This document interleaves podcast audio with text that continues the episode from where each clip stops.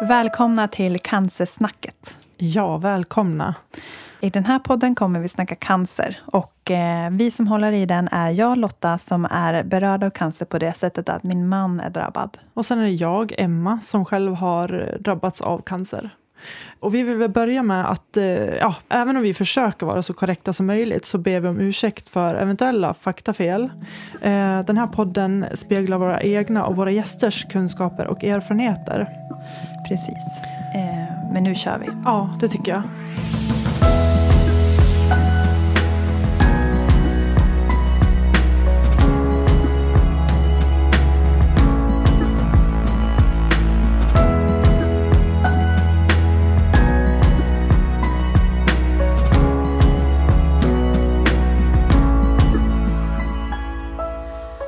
Är vårt första avsnitt igång. Ja, och det känns ju så kul alltså. Jättekul och spännande.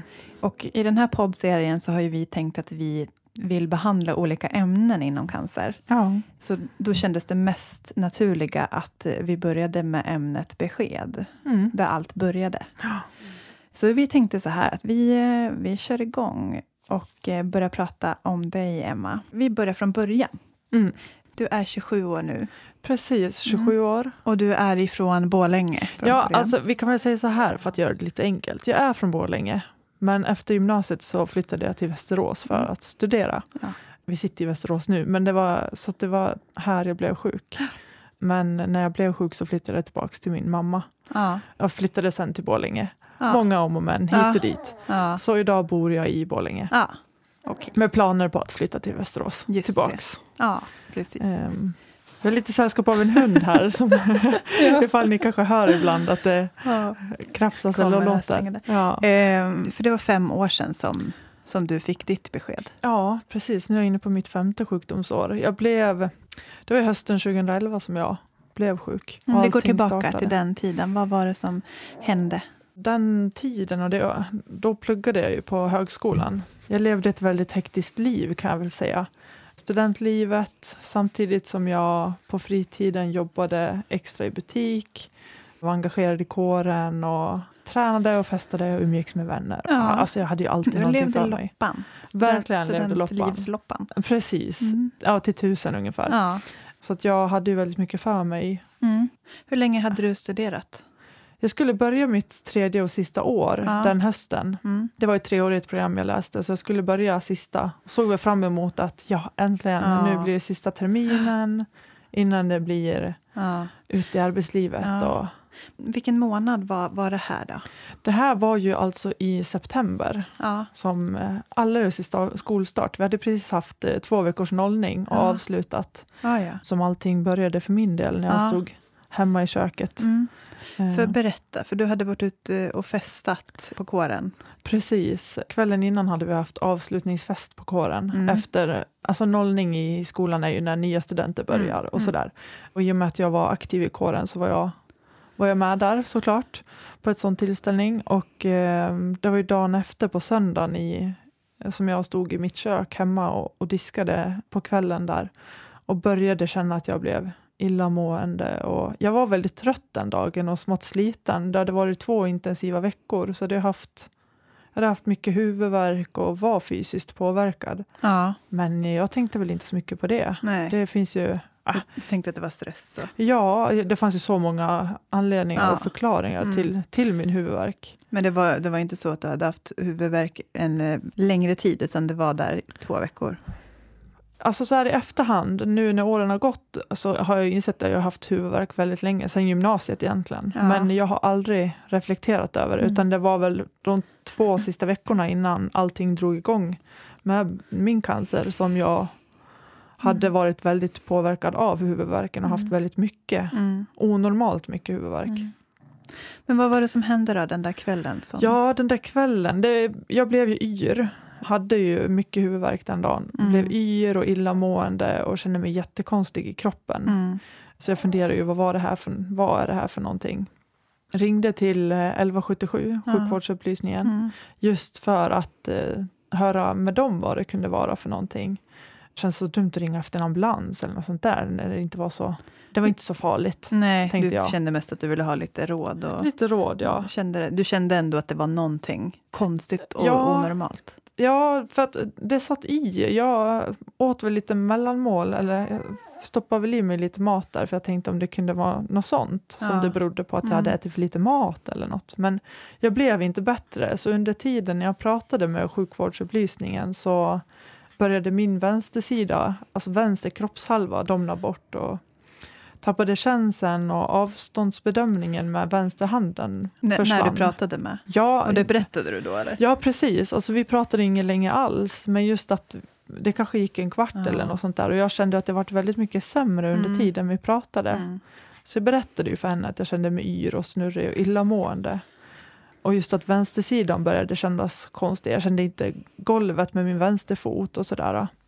Så hon frågade väl, vad, har du gjort något annorlunda eller har du ätit något konstigt? Eller, så hon ville, försökte väl hitta, Ja. på, hitta en förklaring. Mm. Och jag sa väl, nej, jag har inte ätit något. Inget knepigt vad jag kan komma på, men jag var väl ute på kåren och festade igår. Så jag är väl lite trött och sliten idag. Och hon tog ju det...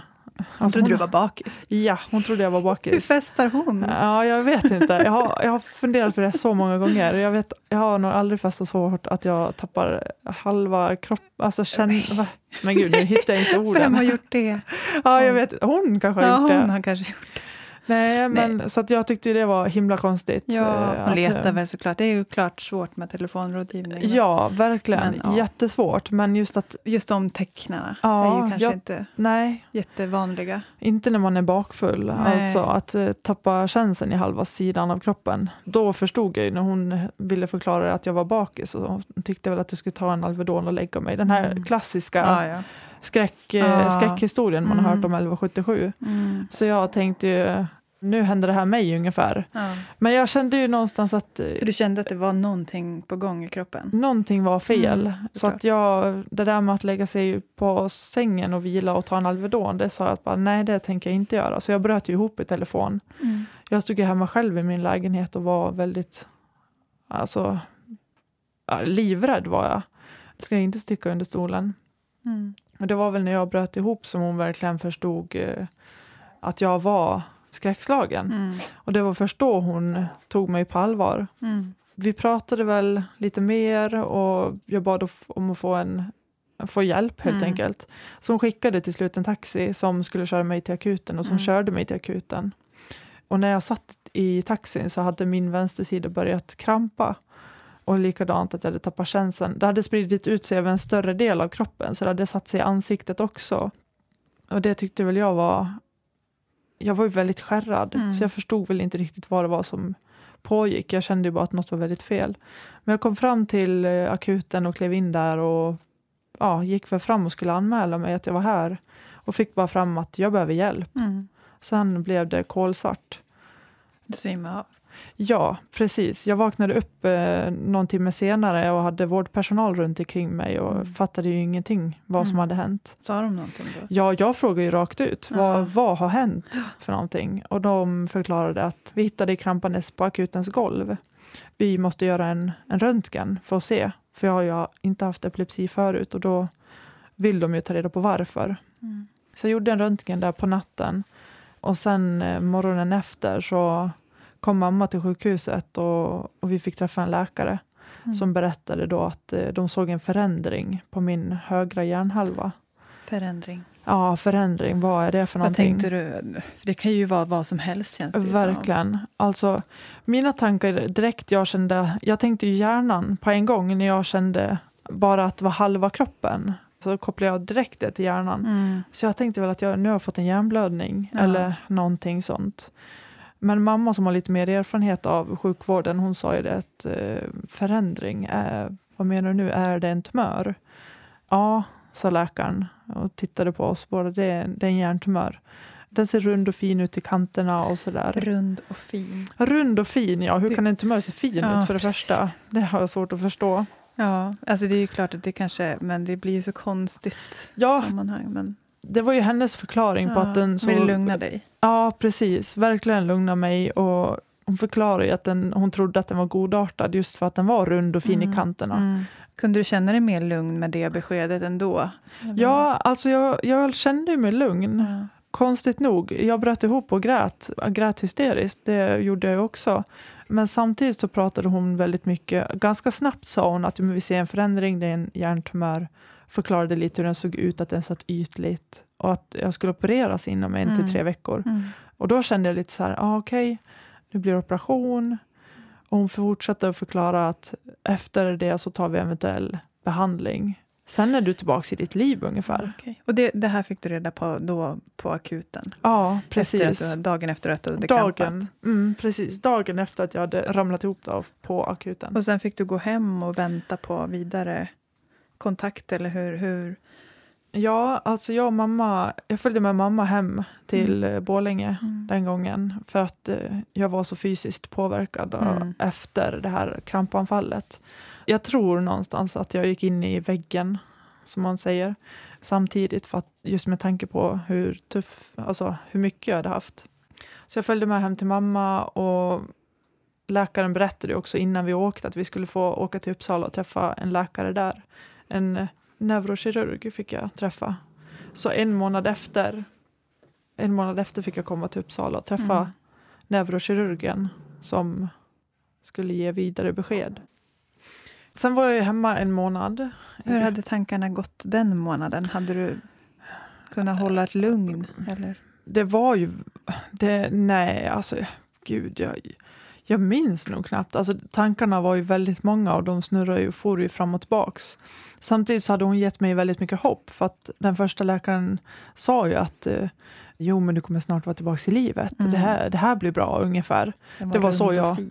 Den var rund och fin och ja, det lät väldigt positivt och både mamma och jag tolkar ju det så att Ja, det här blir bra. ja. Eller jag ska jag säga, nu ska jag inte prata för mamma, men jag tolkar det som att det här Mm. blir bra.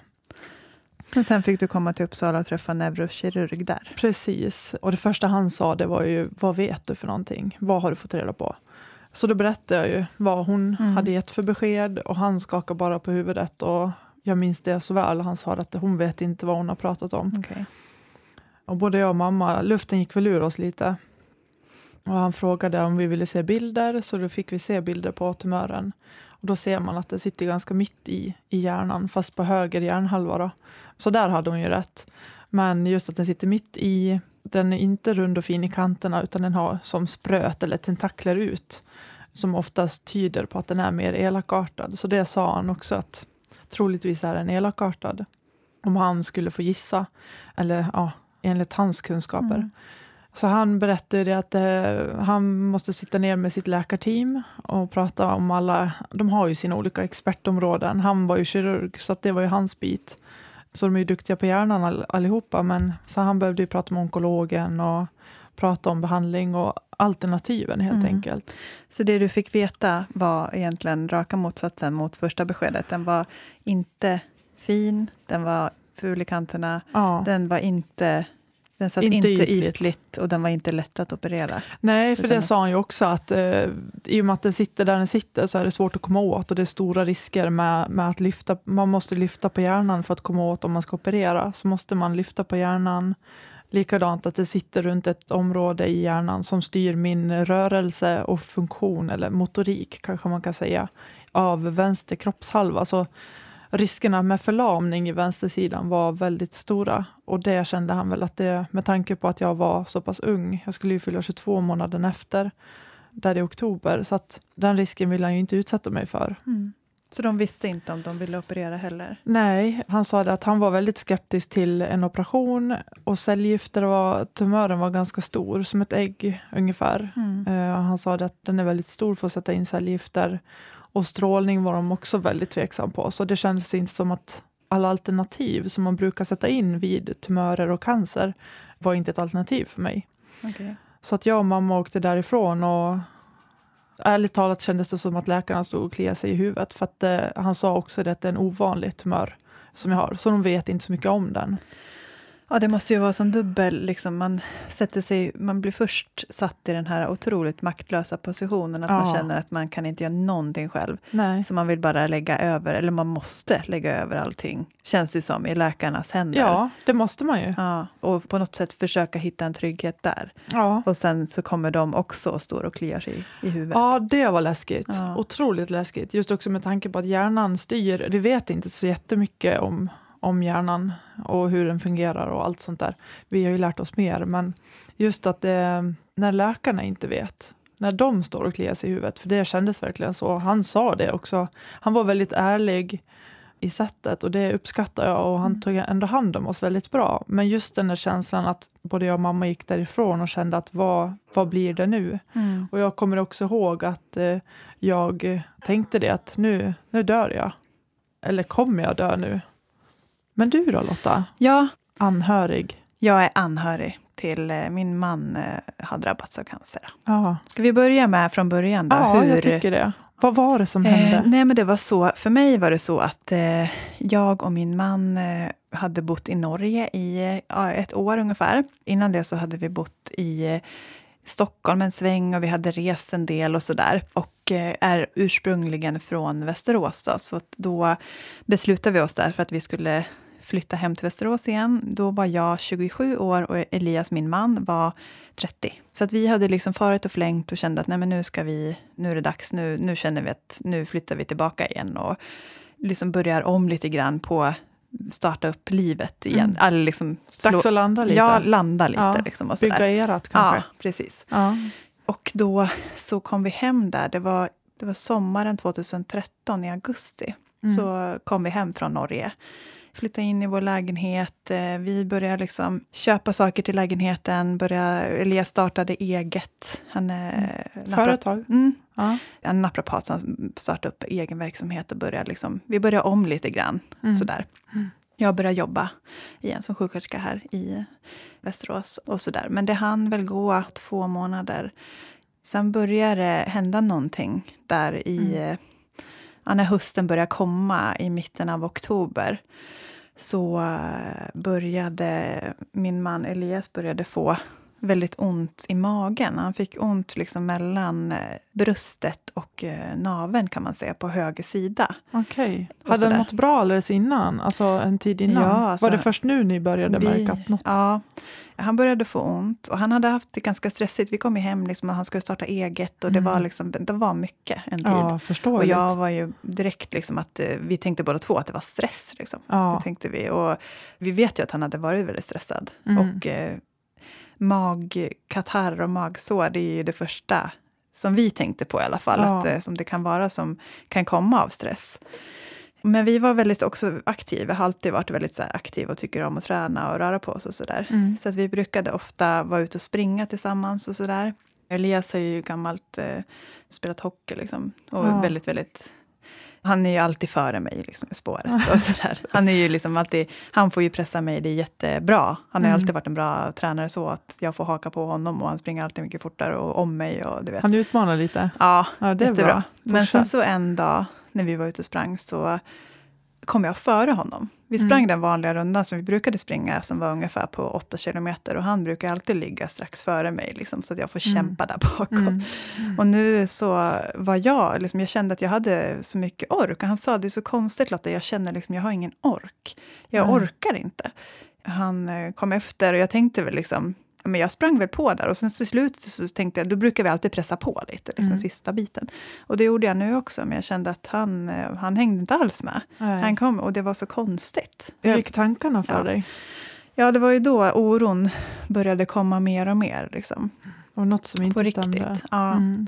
Och sen så var det så att eh, jag eh, vaknade en natt av att eh, han, sängen var helt blöt. Alltså det var, det, var, han svettades Ja. jättemycket. Det var också så märkligt. Liksom. Och jag, ja, jag är ju sjuksköterska, så jag har ju läst liksom, varnings, varningssignalerna som Ja. är. Jag vet Mm. att det inte är ett bra tecken. Och det var inte normalt. Det är klart att man kan ha nattliga svettningar och när jag sa det och han märkte ju, han vaknade av det. Liksom Mm.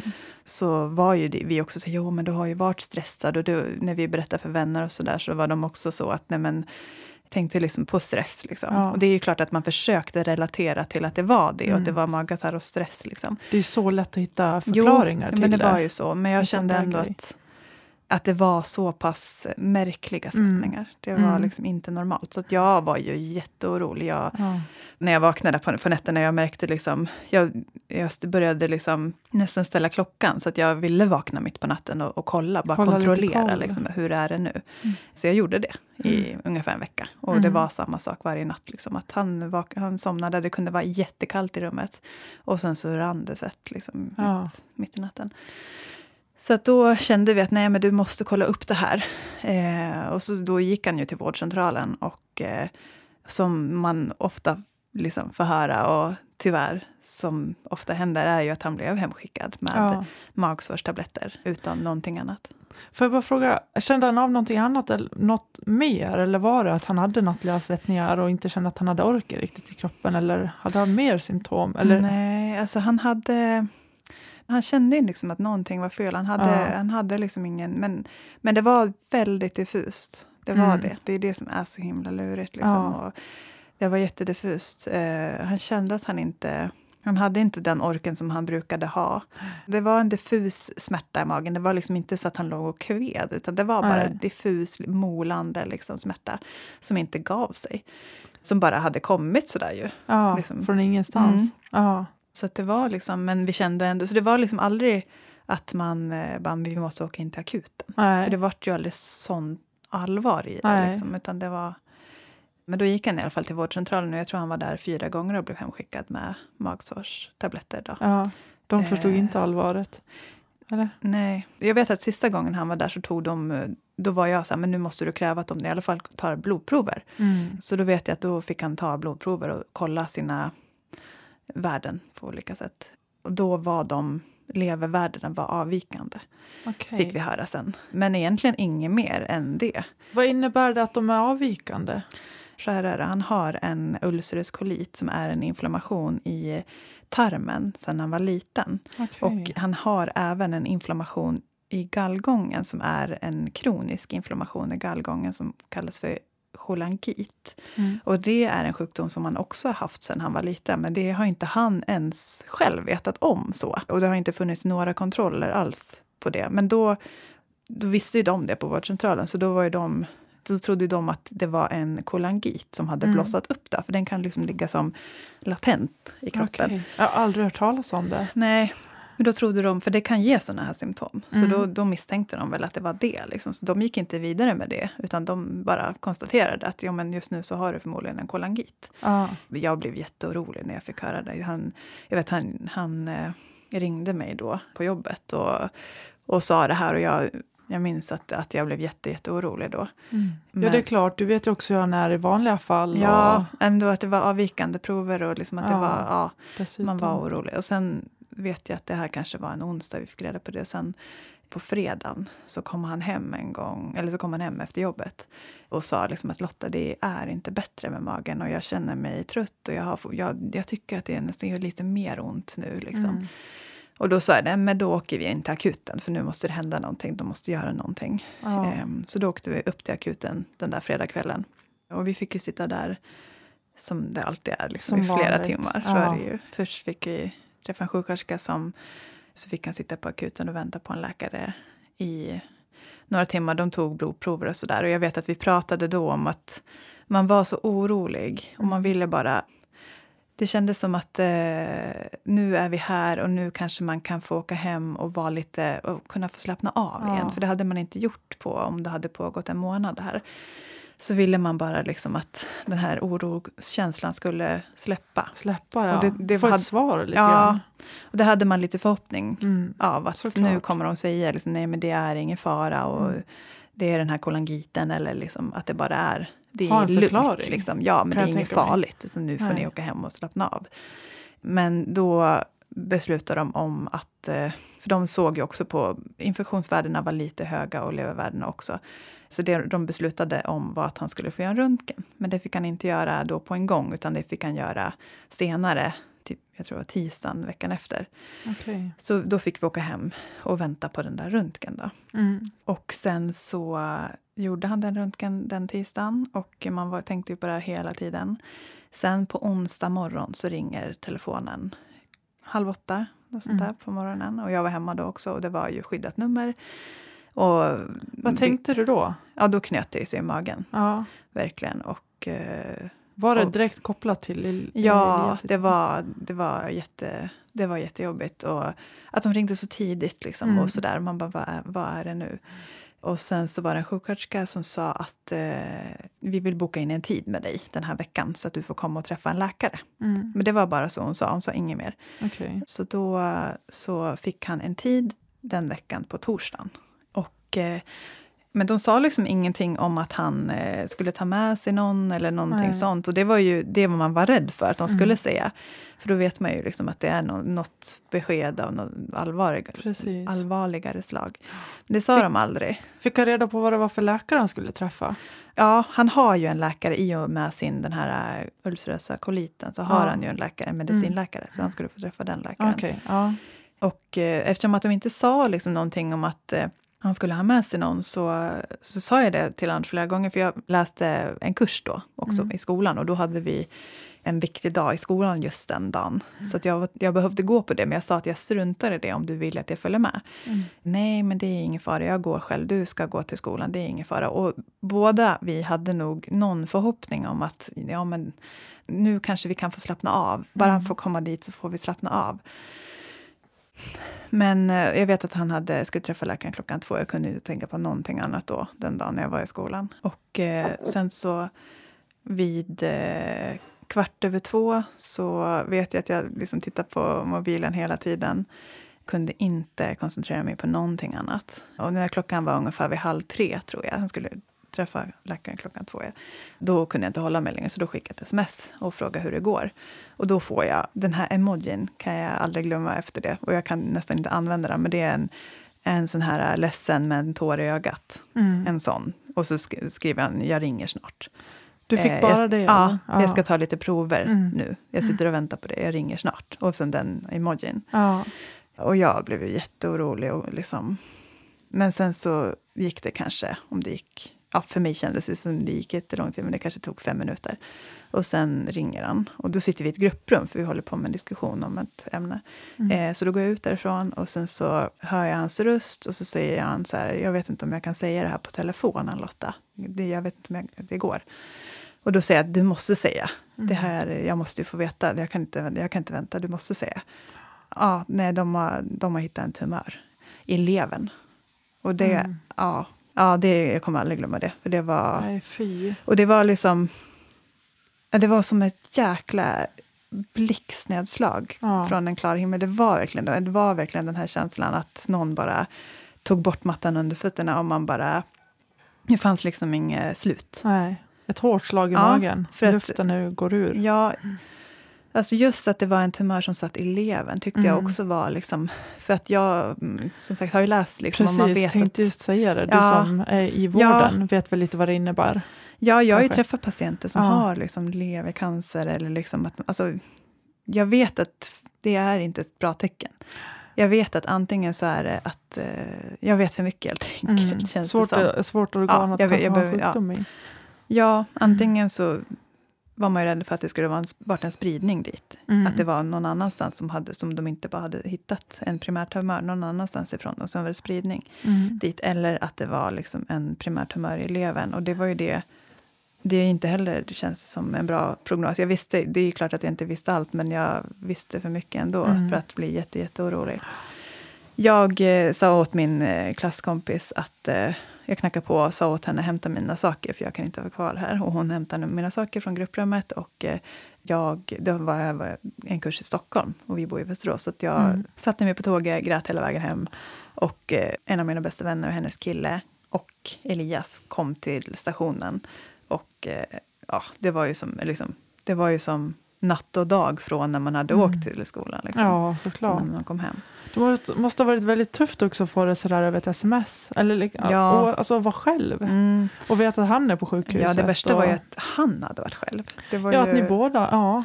det var ju verkligen... Eh, det, det vill man ju såklart absolut inte att han Nej. skulle behövt vara själv. För, alltså jag hade sån fruktansvärd panik. Och då blev jag så här, men hur då känner han? Liksom? Mm. Alltså jag kunde bara inte föreställa mig, det gick inte att ta in. Nej, Ja. det är ju för stort att ta in Mm. på något vis. Ja, Alltså, det är ju det. Och jag vet att alla samlades där i vår lägenhet då. En av hans vänner kom, hans pappa och hans syster. Och mm. så köpte vi mat liksom och bara försökte samla oss. Men sen så, det de sa då var väl också att eh, Nej, men de visste liksom inte, de visste ju bara att de hade sett den här tumören. De sa att det var en tumör i Mm. mm. De visste liksom inte, inte någonting mer och vi visste inte, alltså man visste ju ingenting. Utan det, det krävdes ju fler undersökningar och det de skulle göra då, för att då hade de gjort en sån här CT-undersökning, en, Mm. en liksom enklare röntgen eller vad man ska säga.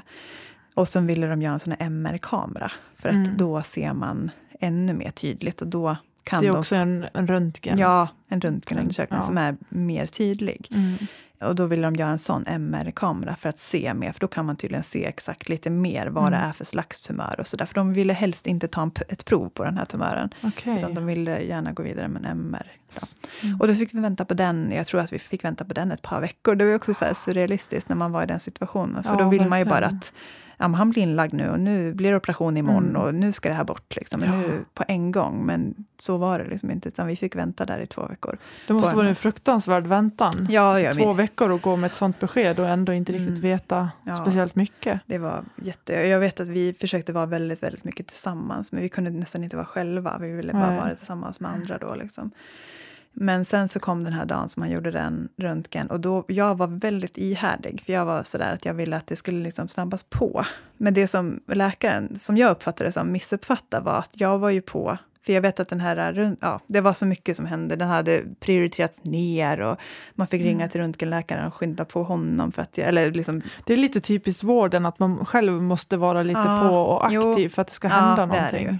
Ja, men jag hade nog varit ganska jobbig och tjatig tror jag på att det skulle liksom snabbas på allting för vi tyckte att det gick så långsamt. Mm. Och då, det läkaren tror jag missuppfattade var att jag ville ju att så fort de fick svaret så skulle de skicka över bilderna på en gång till expertisen i Uppsala så att de kunde granska dem och gå, kunna gå vidare. För det var det de sa att de var tvungna att göra. För att Eh, ni skulle kunna gå vidare också och få reda på vad som händer. vad händer nu? Vad är planen? Vad Ja, liksom, blir det operation eller hur blir det? Liksom? Okej. Mm. Så det var det, det jag ville. Liksom. Men eh, då var det, jag vet inte om det var kanske tre dagar efter röntgen hade gjorts. Jag var ute på en promenad.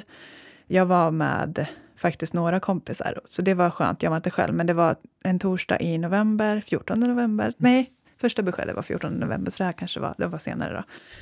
Men det var en kall, mörk kväll och vi var i en lekpark med en, en väns barn. Och eh, telefonen ringer från skyddat nummer ungefär vid sex på kvällen till min mobil. Mm. Och det är Elias läkare som ringer mig. För att jag har ju jag har haft- haft mycket kontakt med dem då, Mm. den tiden. För att jag var på dem, liksom, att jag ville att det skulle gå fort. Och han ringer mig och säger att eh, din man har en väldigt allvarlig cancersjukdom som heter cholangiokarcinom, som är gallgångscancer och den kan sätta sig på det här sättet i levern. Cellgifter brukar inte fungera alls. Det som krävs är en väldigt, väldigt bra operation som lyckas och så där man lyckas få bort allt. Och det är väldigt svårt. Frågan är ju om det ens blir en operation. Det får vi se nu, för att det måste vi fråga akademikerna i Uppsala om. Och blir det inte det, då kommer det bli bromsande behandling via onkologen. Så det var ju liksom 50-50, antingen onkologen eller operation. Och blir det bara operation så skulle den vara radikal, som det heter, att man får bort allt, för cellgifter funkar inte. Denna informationen fick jag sex på kvällen, en torsdagkväll. Alltså över telefon Mm, tänker jag också, över telefon. du själv. Alltså, Och sen fick jag gå hem och berätta det här för Elias. Och det är ju också, det är ju så ska det inte gå till. nej. Jag vet knappt vad jag ska säga, alltså. jag blir helt Mm. bestört, bestört när jag hör det. Alltså. Ja, alltså, och det var, jag tror ju läkaren bara ville väl, för jag hade varit så på och jag ville verkligen att det Mm. skulle ske snabbt, men det var inte på det här sättet. Det var Nej. inte så jag ville. Jag ville för det första så är det kanske viktigt att han får reda på det själv ifrån läkaren, inte att Ja. jag ska behöva gå hem, för det kan ju bli fel, att jag Ja. ska berätta en sån här information. Man kan inte lägga ett sånt ansvar jag vet på, att jag på sa dig. ju inte allting då. Jag Nej. vågade inte det. Jag Nej. gick hem och sa halva. Alltså jag sa inte allting. Nej. Det var alldeles för, för hårt. Det, Ja. det gick inte att berätta det för honom. Jag tycker inte man kan lägga ett sånt ansvar på dig. Alltså att, att du ska gå hem och berätta det för honom. Nej, det blev så fel. Det blev så Jättefel. fel. Mm. Och det vart ju liksom, ja det blev, vart ju jättetraumatiskt för alla där, mina vänner också som var med, som står Elias nära också. Ja, som jag, såklart. ja, så det var, ja, det var så som vi fick vårt besked. Och det vart ju liksom två omgångar och först fick vi veta, ofta är det ju så att man får veta att det är någonting, de har sett någonting. Mm, I det här fallet kunde de säga att det var en tumör och sen att de skulle ta reda på exakt vad det var för diagnos. Då. precis. Eh, man Alltså, blir fortfarande tycker- helt berörd när man berättar Ja. om det här. Och, ja, det, Såklart. nu är det, det är tre år sedan. Ja, Men mycket vad- har hänt sedan dess. Ja, ehm, om vi ska sammanfatta det här då så känns det som att det var väldigt traumatiskt för oss båda. Ja, mycket fram och tillbaks. Och det är det ju alltid såklart. Ja, Men om, om man såklart. kan tänka så här, hur hade vi velat att det hade gått till? Ja, hur hade du önskat? Jo, men då känner jag nog att jag hade inte velat att min man hade varit själv när han fick första beskedet. Utan då hade jag nog velat att de hade säkerställt att han hade tagit med sig någon. Ja, För det kändes inte bra, tycker Nej. jag alls, att han satt själv. Och sen när vi fick det här andra beskedet, att de ringde till mig, att läkaren ringde mig och jag fick gå hem och berätta det här allvarliga beskedet för min man, Mm. som blir fel på så många olika möjliga sätt. Ja, Det känner jag också att jag inte vill att det ska gå till. bättre att personen som är Ja. drabbad och berörd får det. Ja, Och tillsammans. Ja, för då när han ringde mig den kvällen, läkaren, så var ju det en av mina tankar som dök upp på en gång var att jag ville komma dit, eller jag ville ta Mm. med mig min man och åka dit dagen efter och få träffa honom Mm. och få sitta ner och få ställa alla frågor som dök upp. För det var ju så mycket frågor som dök upp Ja. såklart. Och mitt, hans svar var då att han inte hade tid. Och jag förstår, en läkare har väl fullspäckat Mm. schema. Han hade inte liksom...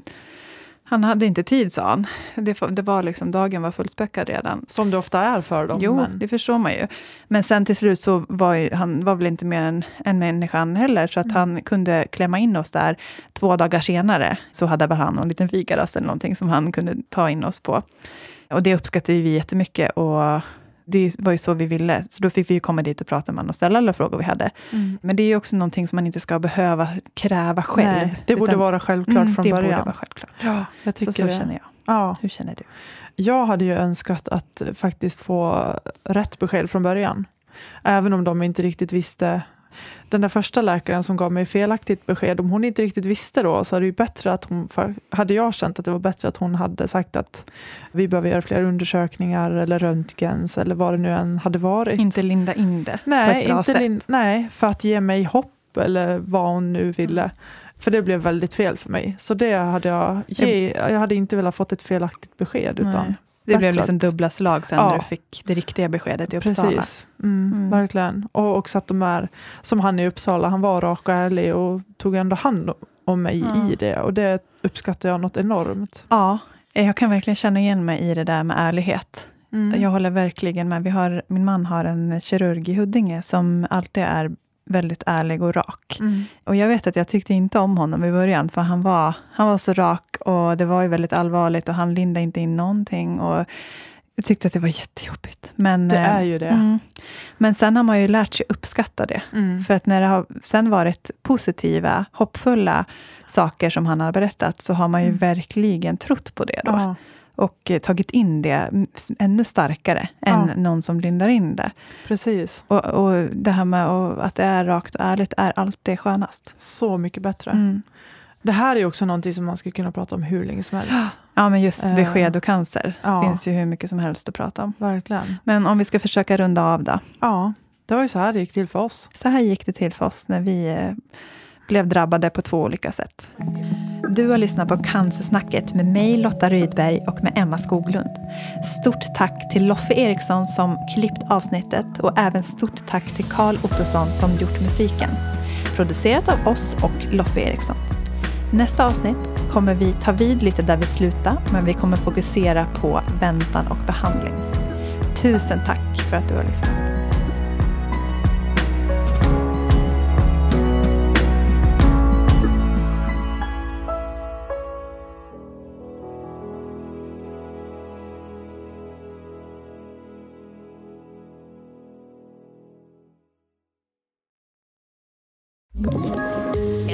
Poddtips från Podplay. I fallen jag aldrig glömmer djupdyker Hasse Aro i arbetet bakom några av Sveriges mest uppseendeväckande brottsutredningar. Går vi in med hemlig telefonavlyssning och, och då upplever vi att vi får en total förändring av hans beteende. Vad är det som händer nu? Vem är det som läcker? Och så säger han att jag är kriminell, jag har varit kriminell i hela mitt liv men att mörda ett barn, där går min gräns. Nya säsongen av Fallen jag aldrig glömmer på Podplay.